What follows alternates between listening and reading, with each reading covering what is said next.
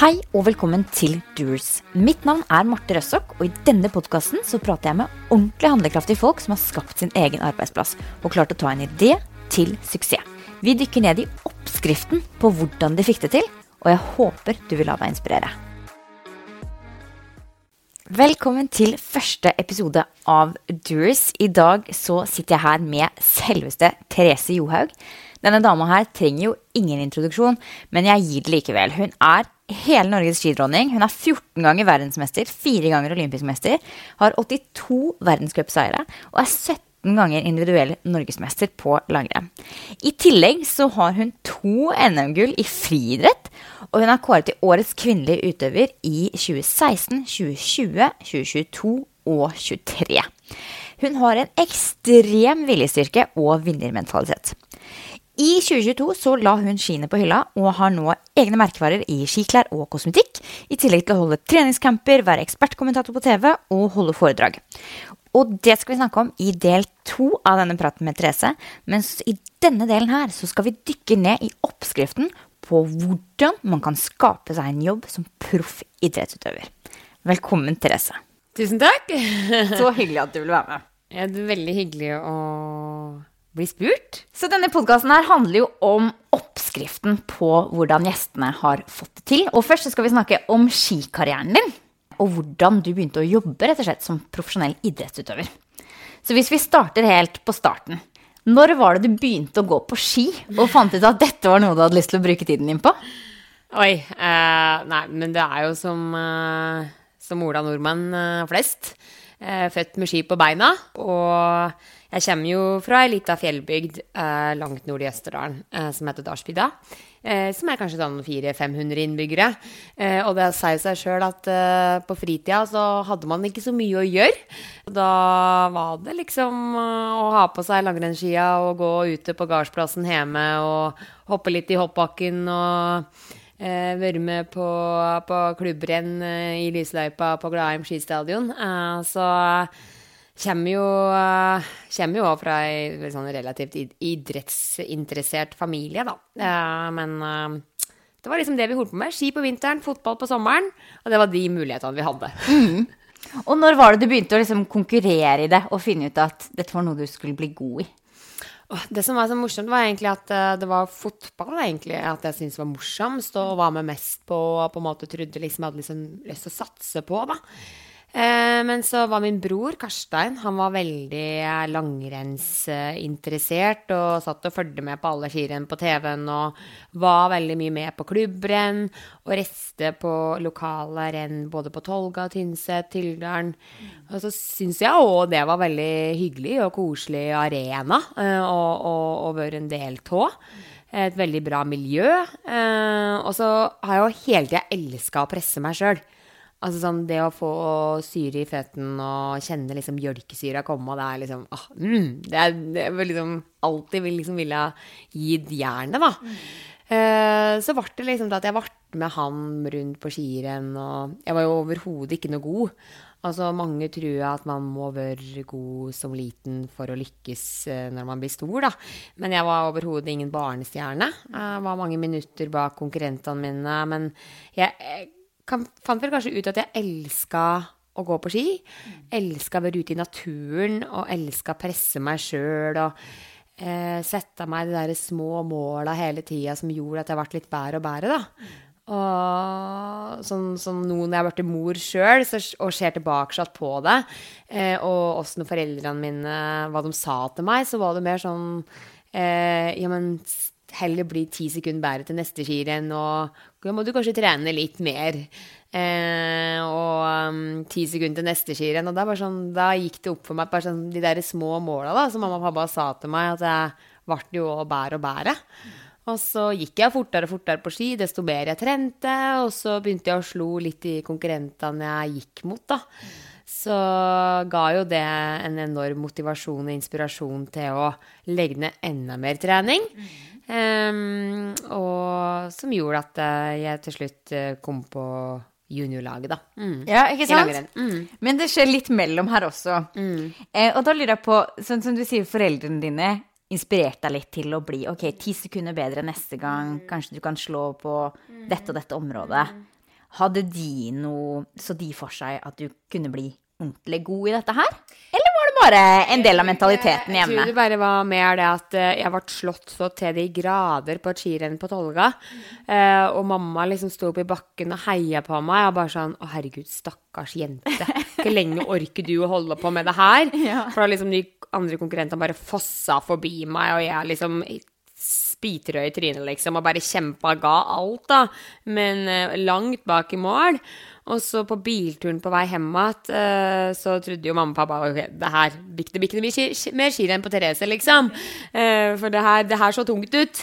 Men så var jeg liksom veldig motivert, da, og inspirert bak i baksetet, og tenkte liksom på de konkurrentene som hadde slett slo meg, og hva var det de gjorde? Og så spurte jeg liksom, hva er det jeg må gjøre for å bli enda bedre på ski? Eh, og så sa liksom um, mamma meg ja, da må du trene litt mer og gå noe, kanskje noen flere skiturer. Så hvis du går en skitur til i uka, så kanskje du kan nærme deg med 10 sekunder eller 20 sekunder til neste skirenn. Og så hvis du trener enda mer enn det, så kanskje du kan hale litt innpå. Og da så jeg liksom å ja, kanskje det, det er bedre å sette de der små delmåla enn å på en måte tenke at jeg skal bli verdensmester på ski, for det var liksom så far away fra der jeg var nå. Men på en måte det å kunne gå de der små trappetrinna da, hele veien.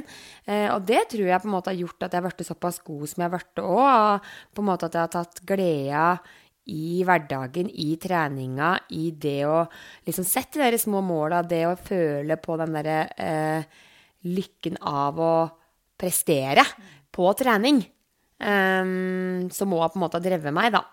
Ja. Hva tror du gjorde da, altså sånn som moren din eh, tenker da, stakkars Therese, men hun sikkert ikke gå med flere skirenn, for det gikk så dårlig. Mens du sitter i baksetet på bilen og begynner å analysere hva gjorde konkurrentene bedre enn meg. Hvordan kan jeg slå de? Hva, hva tror du gjorde at du hadde det mindsettet? I motsetning til å bare gi seg. Eh, mange Ja. Hvor gammel Eh, er du på dette tidspunktet Så jeg er jo ikke Jeg er kanskje sånn 11-12 år, da. Så jeg er jo ikke gammel, liksom. ja, så det er kort vei til å gi opp, på en måte, Det er en kort vei til å gi opp, men samtidig sånn eh, Når jeg på en måte la opp eh, for ett og et halvt år siden, og jeg liksom skrev bok i fjor, så måtte jeg liksom begynne å reflektere på hva er det som har gjort da, at Therese, som satt i baksetet, tolv år gammel, virkelig eh, klarte å stå i det her og fant den motivasjonen. Og det tror jeg handler mye om at jeg fra barndommen har lært at det er hardt arbeid over tid som gir resultater. At man på en måte må ikke gi seg.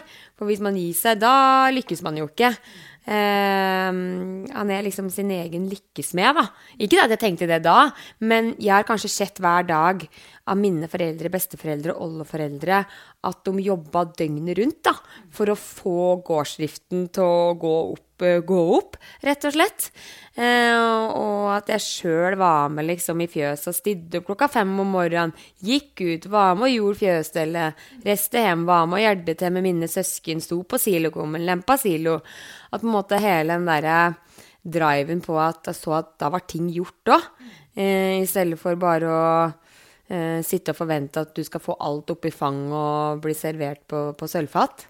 Um, så jeg tror kanskje at um, grunnen var på en måte at jeg var vant til at det gikk i hundre fra, fra morgen til kveld, og at man måtte jobbe for ting, da. Og det tror jeg liksom er grunnen til at jeg har klart å stått i de periodene jeg har gjort og i karrieren min, når det har bytta som verst. At man bare vet at man kan faktisk ikke gå og legge seg på rommet og synes synd på seg sjøl. Man må ut og gjøre jobben for å skulle lykkes, da. Og sånn er det jo i arbeidslivet til folk òg. Og så blir det jo bedre og bedre. Du begynner å slå konkurrenter i rennet, i nærområdet, i kretsen. Hvor går veien da før du blir liksom plukka opp av juniorlandslaget? Det skjedde jo veldig mye når jeg var sånn 15-16 år. Når jeg var hovedlandsrenn, så var jeg liksom siste året så var jeg, nummer- ble jeg nummer 5 og 19 på hovedlandsrennet. Første året på hovedlandsrenn så var jeg 64 og 20, liksom. Og hovedlandstrend, hva slags konkurranse er det? Eh, Det er sånn felles eh, konkurranse for barn og unge som alle i hele Norge kan være med på.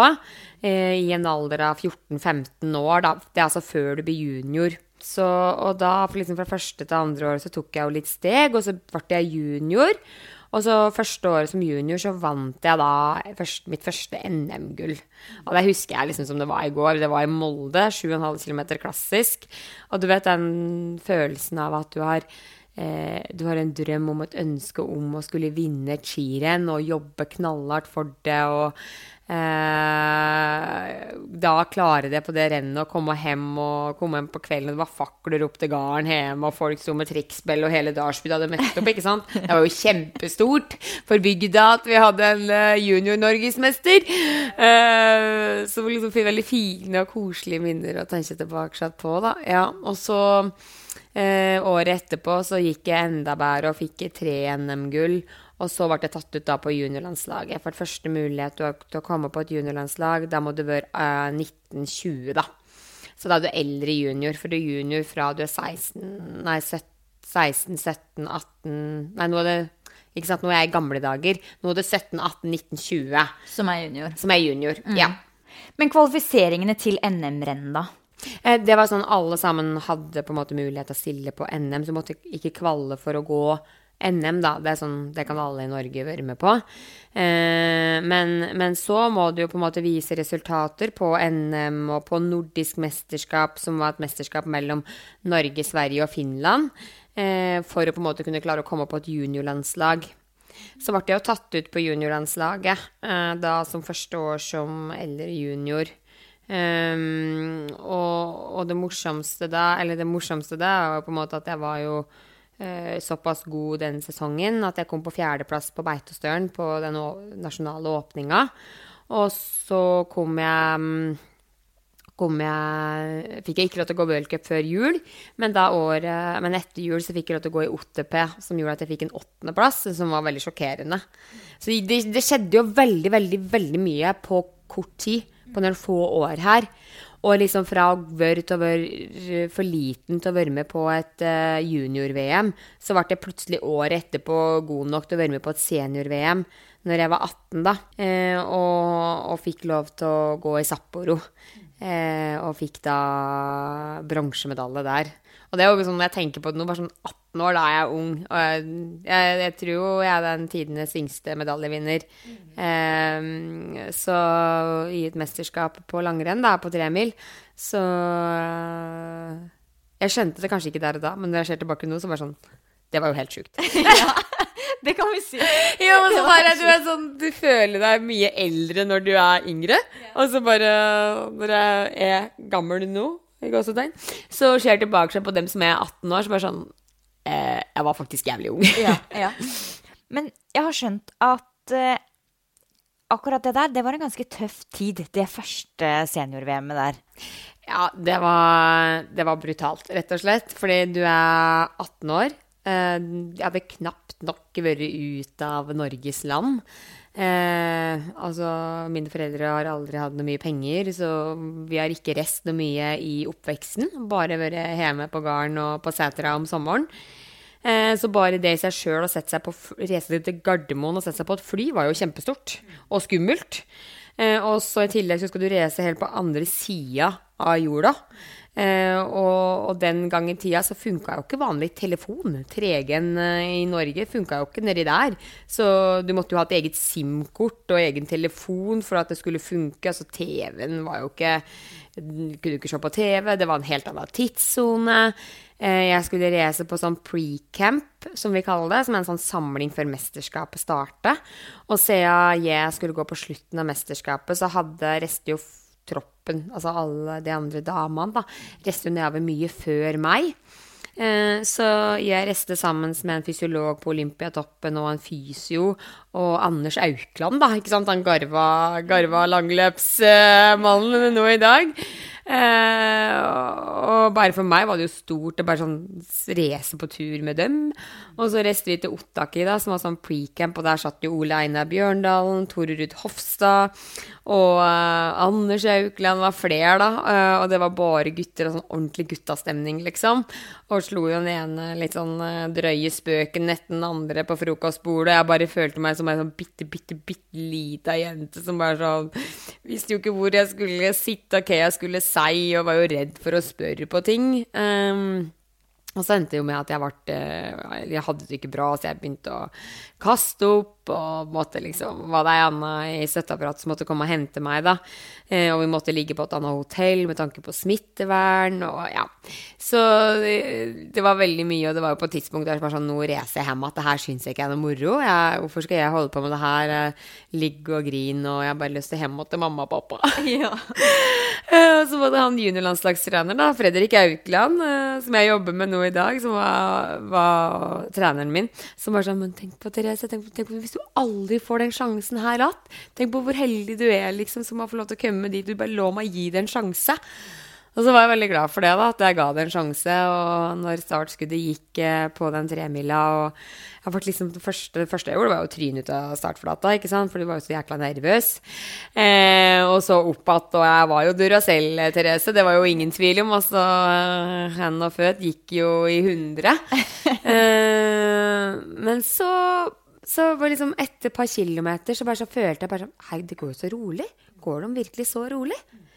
Så bare sånn, sånn Tempo her kan jeg ikke holde. Og jeg dura ut til sida og liksom gikk fra hele feltet og gikk rett opp i teten, liksom. Det skjer jo det at det var ganske offensivt gjort, da. Eh, men for meg da så var det jo liksom helt naturlig. Jeg bare sånn Herregud, jeg lærte meg at jeg skal gi alt fra første stavtak til jeg går i mål. Uh, var jo veldig glad for det, og liksom fikk den det, det, å få den tredjeplassen var jo en vanvittig opplevelse. Og det var jo kanskje da jeg skjønte at oi, jeg har faktisk en skikarriere foran meg. Jeg kan faktisk bli god på ski. For på da så har du liksom drevet på med ski for du syntes det er morsomt. Det ga deg motivasjon og inspirasjon i å på en måte eh, ta de der små stega som gjorde at du tok stega eh, til å, å, stå øverst på pallen i Norge, da. Men plutselig så bare sånn Oi, nå er jeg faktisk en del av verdenseliten på langrenn, og jeg kan faktisk bli god. Eh, så gikk det opp et lite lys, da. Mm.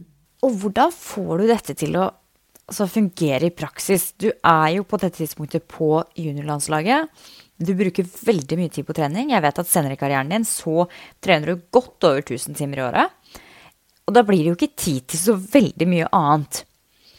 Og på dette tidspunktet så går du på videregående skole ved siden av VM-satsingen. Hvordan er det du organiserer tiden din da?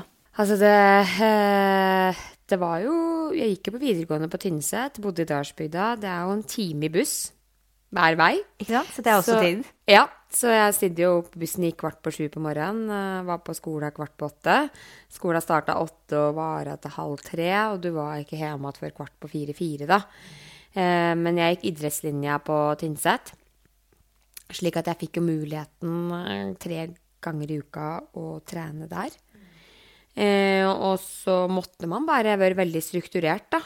Med både lekser, eh, eksamenslesing, tentamener, kombinert med trening, da. Eh, og når jeg var på turer, var på skirenn, så la jo skolen til rette eh, for at jeg kunne gjøre det. Men da måtte jo òg jeg levere eh, på skolearbeidet når jeg kom tilbake og underveis, da. Altså, det var jo aldri for meg noe snakk om at jeg skulle droppe noe skole eller utsette noe. Altså videregående, det skal du ha. Eh, og jeg fullførte det på tre år. Eh, men jeg tror at desto mer du har på tapeten, desto mer strukturert må du være. Og, men klart, det er jo en balansegang det er snakk om, da. Men, eh, men med litt tilrettelegging fra skolen og en god dose struktur fra meg, så gikk det her bra, da. Mm. Mm. Og hvordan gjør du det med utstyr og sånn? Det er jo, i hvert fall før du kom på landslaget, så er det vel moren og faren din som må stå for utstyret? Ja, det er jo det. Og, og utstyr, skiutstyr, er kjempedyrt. Eh, og, og, liksom mamma og pappa driver en gard. Vi er fire unger som skal ha utstyr. Altså, det er svimlende summer. Eh, så klart, mye gikk jo i arv. Mye var brukt. Eh, og så var jeg jo heldig at bestefar var jo veldig langrennsinteressert, da. Så han var jo liksom Ja, jeg skal gi deg liksom, var ett hovedlandsrenn, for da hadde jeg ett skipar. Det var klassisk par. Så det var sånn Gikk jeg klassisk med det ene dagen, og så glida vi hele skiet, så skøyta jeg med det dagen etterpå. Og så så vi jo det at eh, da jeg ble nummer 64 på den skøytinga, at de andre konkurrentene mine bare fossa jo forbi meg. Så bestefar var jo sånn Jeg skal sponse deg et skøytepar, liksom, men det må bare bli mellom oss. Så liksom, jeg fikk, så fikk jeg liksom det skøyteparet, men da skjønner du liksom åssen jeg er ikke en jente som er vant til å få tre par ski eh, på klassisk tre par ski skøyting og teste en høg før start når jeg var yngre. Overhodet ikke. Eh, men, eh, men eh, jeg er jo på en måte et bevis på at du kan gå fort på det skiparet du har. Og når jeg da kom opp i junioralder og fikk det NM-gullet i Molde, så kunne vi få kjøpe ski fra Fischer da, til en tredjedel av prisen. Um, så da kjøpte vi noen skipar, og så fikk jeg liksom to par av dem. Ett par skøyting og ett par klassisk som jeg kunne få i tillegg. Og så når jeg var 18 år, så kjørte jeg opp, og da kunne jeg jo få mulighet til å, å bli sponsa av lokale sponsorer hjemme, da. Um, så det var jo veldig stort, da. Å, å kunne få eh, ringe rundt til lokale sponsorer som var med og støtta meg. Altså, uten dem så hadde jeg jo ikke klart det. For sant, det koster penger alt med racing, og, og, spesielt i den fasen der før du liksom virkelig har slått igjennom. Det er jo da du virkelig trenger midler og den støtta. For når du er liksom blitt god, som jeg var på slutten av karrieren min, så har du jo klart å opparbeide deg litt gjennom pengepremier og, og, sånt, da. Men når du er 18 år, da, så kjører du opp, du har bilen din. Er dette før du har gått eh, VM-et, senior-VM-et, eller? Ja, det var det. Jeg kjørte opp i 18. Mm, ja. Så hvordan begynner du å få tak i disse lokale sponsorene? Altså, hva er det de sponser med? Og hvordan får du tak i det? Eh, ja, nei, det var sånn at de sponsa med 10 000, nei, 15 000 i grunnsum, da. Uh, og så var det hvis jeg gikk så og så bra eller tok NM-gull, så hvis ett NM-gull var 1000 kroner i bonus, to NM-gull, så fikk du Ja. Uh, så det hjalp jo på at jeg kunne ha den bilen som gjorde at jeg eh, kunne dekke den leasinga i måneden, som gjorde at jeg kom meg på trening, kom meg på skirenn sjøl uten at mamma og pappa måtte kjøre meg, da. For de hadde jo òg faktisk tre andre de skulle følge opp. Så vi fikk det liksom til å gå rundt der, da. Um, og så var jeg òg veldig heldig at uh, min første sponsor var jo Os trekultur. Uh, og det er jo min onkel som driver. Eh, og så Han leverer jo veldig mye møbler rundt om til folk i Norge, og, og deriblant Bjørn Rune Gjelsten. Så han jo, tok jo med meg ned på Aker Brygge en gang, og jeg fikk prate med Gjelsten liksom, som 16, nei, det var første år på videregående. Eh, og han sponsa meg med 10 000 kroner. Altså, det var sånn derre bare satt der og bare sånn Tørte knapt å si noe der. Eh, men han hadde liksom virkelig trua på meg og ville støtte for jeg var såpass målbevisst og kom liksom med plan på hva som var liksom langsiktige mål og kortsiktige mål og sånn, da. Så det var jo veldig stort av han, da, å kunne sponse meg med de pengene, da. Ja. Så de første pengene fra lokale sponsorer, og da også Gjelsten, går til utstyr, leasing av bil. Det er på en måte for å kjøpe inn det du ja. trenger. Ja, det er jo det. For sånn, ja, både skisko, ski, pulsklokke, klær Altså alt, ikke sant. Det er ganske mye, da. Eh, og så kommer du jo på en måte òg i en alder der du er avhengig av eh, et bra utstyr for å lykkes òg. I hvert fall liksom når du skal begynne å gå VM i Sapporo. Ja, Da kan du ikke gå på arva ski. Da kan du ikke gå på arva ski og, og, et klassisk par som du glider om til skøyting dagen etterpå, liksom. eh, så det krever jo mer, da. Eh, så sånn begynte jo liksom den derre sponsorbiten, da. Ja. Mm. Så da får du dekket litt disse her reisene rundt, tingene du trenger, nye par ski. Mm. Når er det skisporten begynner å liksom bli en inntekt for deg?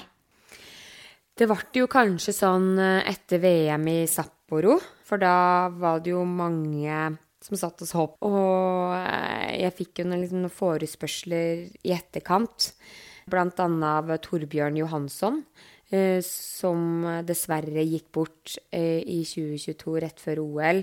Eh, og Asko, da, som har vært hovedsponsoren min CA da, som satt og så på TV-en. Og så meg fosse forbi de der konkurrentene gikk opp i tekt og bare 'Å, den jenta der, hun liker jeg', bare sånn. Mm. Eh, satt og så på. Eh, og, og kontakta faktisk meg i etterkant og bare 'Hun vil jeg hjelpe' eh, vanvittig raust og stort gjort. Eh, og, og jeg liksom eh, Mamma Som da hadde han sendt melding til mamma, eller ringt mamma, da. Og jeg bare Hæ? Hvem er det? Å, herregud, liksom. eh, Og liksom sette meg på toget sammen med da treneren min, Mai Helen, og reste ned på kontoret deres på Nationaltheatret og bare sånn oppi der glasshusa, fikk møte liksom han. Eh, og bare en liten kar liksom så jordnær, ekte, uh, som virkelig liksom hadde lyst til å støtte meg da, og hjelpe meg på veien. Uh, Så var kanskje først da det begynte. uh, at jeg fikk liksom min ordentlig første store sponsoravtale, da. For da går, da går han inn med penger som på en måte skal være en slags lønn for deg Mm. Ja. for å trene. Ja. Så da gikk han inn eh, med penger, og, og med en bonusavtale, da. Jeg har jo kanskje hele min karriere ville heller ha hatt at hun går inn med en, en sum, men at jeg kanskje har hatt enda større bonusavtaler eh, hvis jeg har tatt eh, VM-gull eller OL-gull eller eh, For da føler jeg at da fortjener det Det er veldig sånn motivasjon for meg òg. At man ikke føler at man bare henter ut penger av folk, og så leverer man ikke tilbake. Hvis du skjønner hva jeg mener? Ja. Så jeg har nok heller ønska å ha litt større bonusavtaler enn uh, da fikssum, da, som vi kaller det. Og så klart, så begynte jo utstyrsleverandører å ville sponse meg med utstyr. Jeg fikk jo avtale både med Fischer, med Swix, eh, og, og fikk eh, på en måte en liten lønn av dem med bonusavtale, eh, hvis jeg gikk fort, da. Um, og så begynte jeg å gå mer worldcuprenn etter Sapporo, og på en måte fikk meg inntekt via pengepremier, som vi får der, da. Hvilken størrelse er de på sånne pengepremier fra verdenscuprenn? Altså, hvis du vinner et worldcuprenn, så får du 15 000 sveitserfrang, da. Jeg husker litt de første skirennene jeg gikk, så var frangen på 4-9, liksom. Og nå så er han på 12. Det er jo ingen tvil om at det lønner seg å gå fort på slutten av karrieren. Starten. Ikke sant? Ja. Men hva med landslagene, da? Får du, tjener du eh, Får du en lønn fra å være med der også? Ja, i starten så var det jo en veldig, veldig liten sum, men etter 2011 og det VM vi hadde i Kollen, så fikk jo Skiforbundet òg mer eh, penger eh, å rutte med, og man kunne på en måte få en større sum av Skiforbundet òg, da. Og det var jo òg basert ut fra resultater. Eh, hvor mye du var i media.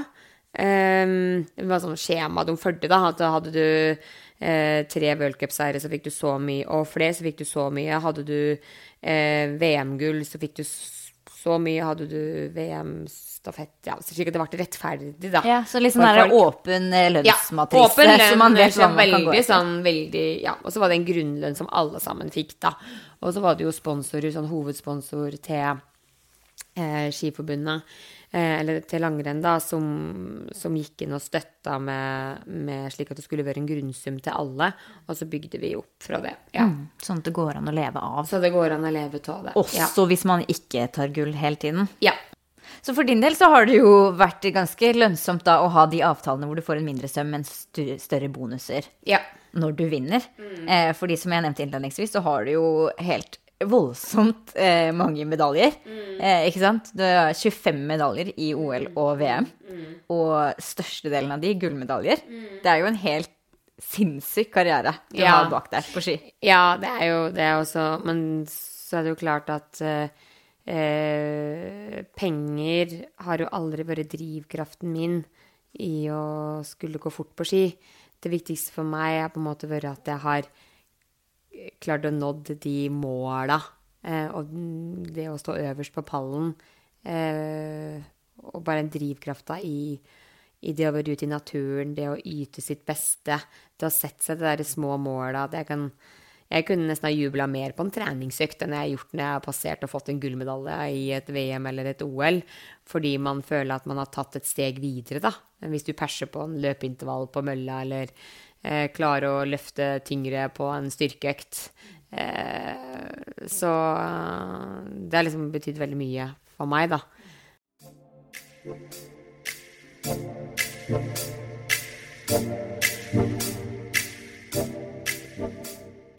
Hvis jeg oppsummerer litt det som jeg ser på som din oppskrift til å bli en proff idrettsutøver, da.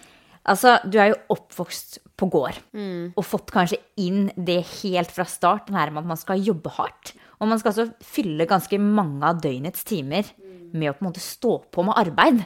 Det er ikke sånn kjempemye tid på sofaen her. Nei, det er det ikke. Og så er det jo en ekstrem treningsvilje. Det er at du liker å kjenne på den syra. Liker å presse deg og jobbe for å bli bedre, og kjenne at man blir bedre. Og så, eh, Du nevner jo at eh, egentlig så var det fotball du var interessert i helt i starten. Men broren din Karstein var mest interessert i langrenn og, og dro på renn og sånn, så du ble litt med på det og finner ut at dette her er gøy. Og så begynner du å trene mot disse hovedlandsrennene når du er 14-15 år gammel. Har ikke så gode resultater første gang, men ønsker å bli bedre og kryper oppover pallen der. Og etter hvert så får du også være med i eh, NM og vinner junior-NM. Og da, etter den seieren, eh, så fikk du kjøpe ski fra Fisher til eh, en tredjedel av prisen. Og du begynte å få disse lokale sponsorene. Som kunne være med og dekke liksom, de kostnadene du hadde på å komme deg rundt på renn og få tak i utstyr og sånt noe. Og så blir du også invitert inn på juniorlandslaget. Og derfra så går jo ferden videre til eh, å delta i VM i Sapporo, hvor du får en bronse. Og etter der så begynner det litt større sponsorer å melde seg inn. Du får en telefon fra da Torbjørn i Asko, som har lyst til å rett og slett hjelpe deg videre i karrieren. Og som er også med som en eh, veldig nær sponsor gjennom din skikarriere. I tillegg til at utstyrsleverandørene begynner å sponse og sånt nå. Og da er du på en måte i gang med din karriere som profesjonell idrettsutøver. Og så vet jo de fleste nordmenn hvor dette går, for du har jo en helt fantastisk karriere videre. Men vil du si at det stemmer litt på hvordan du på en måte bygde deg opp til å kunne leve av dette? Ja, absolutt. Altså Det har virkelig gått den trappetrinnet, for å si det sånn. Eh, og det er ingenting som har blitt kasta på meg fra jeg var lita jente. Eh, og ja. Så veldig, veldig godt uh, oppsummert.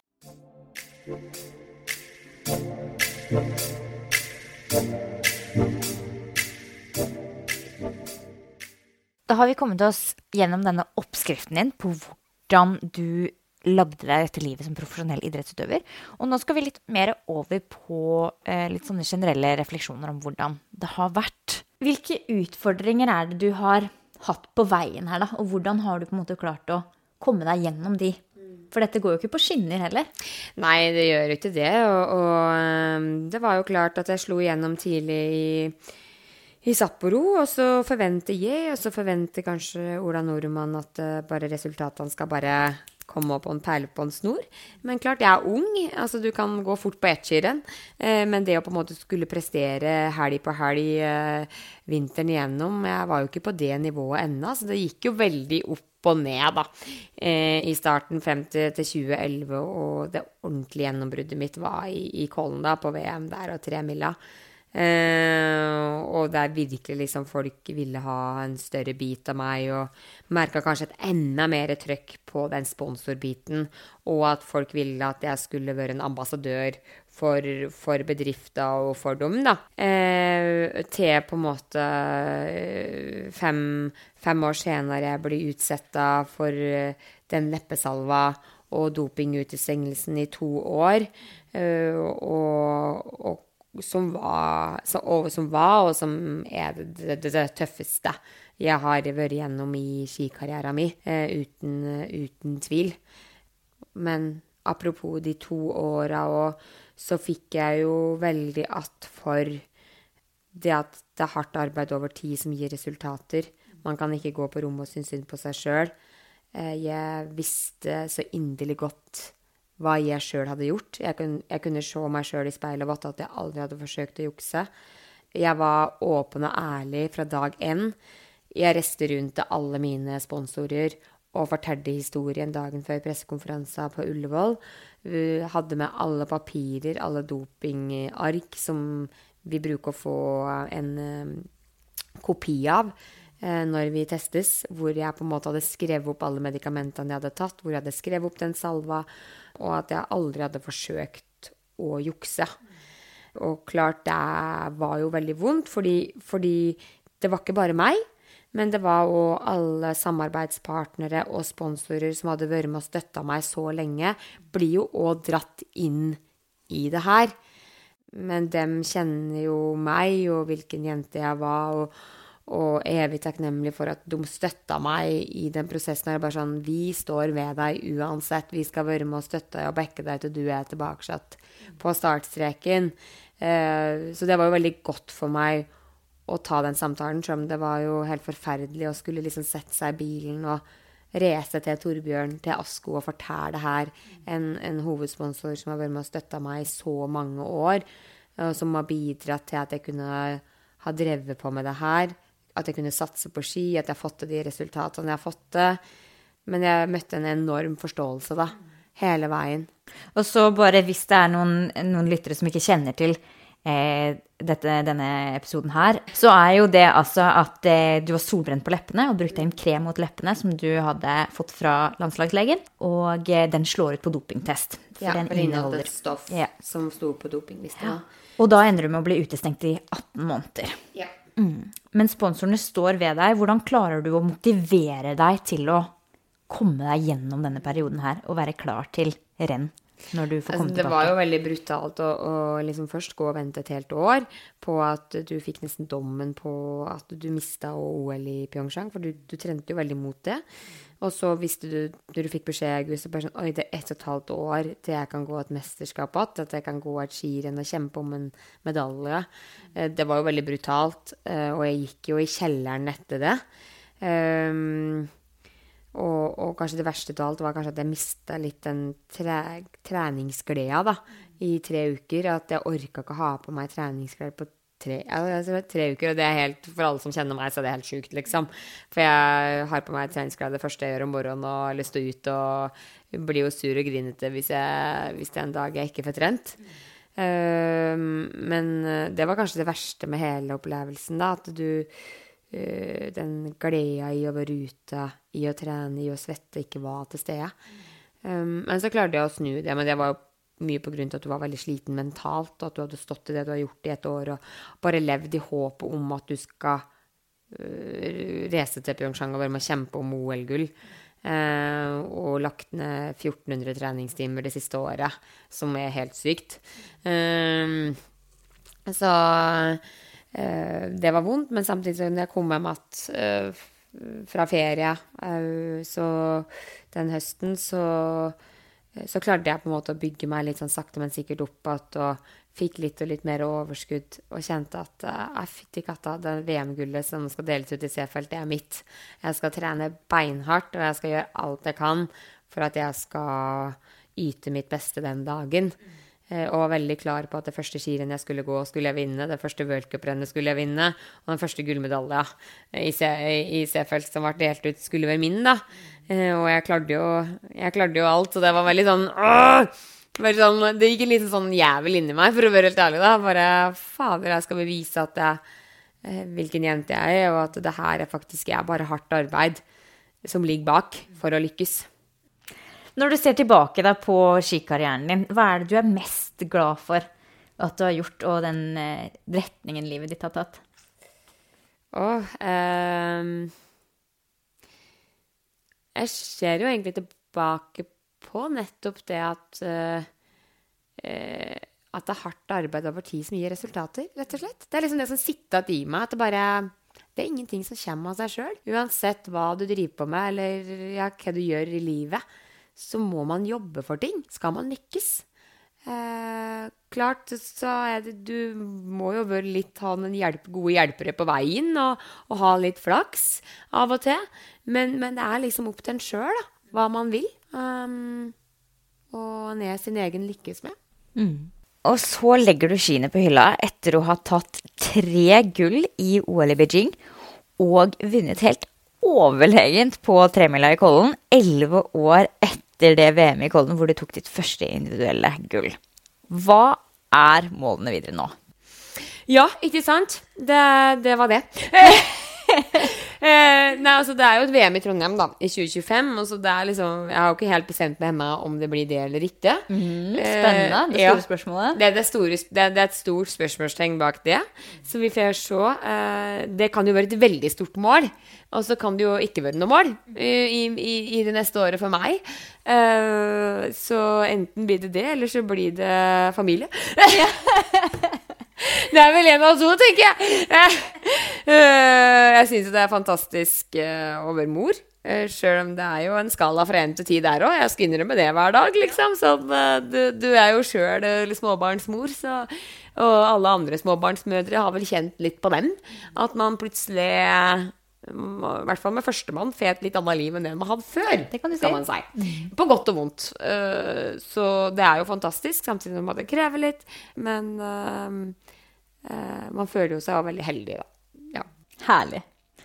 Tusen takk, Therese, for at du ble med i episoden og delte av eh, dine erfaringer og din oppskrift på hvordan å bygge seg en karriere som profesjonell idrettsutøver.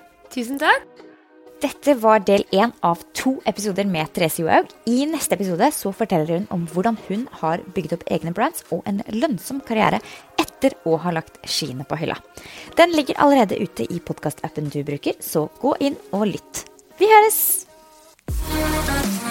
Thank you.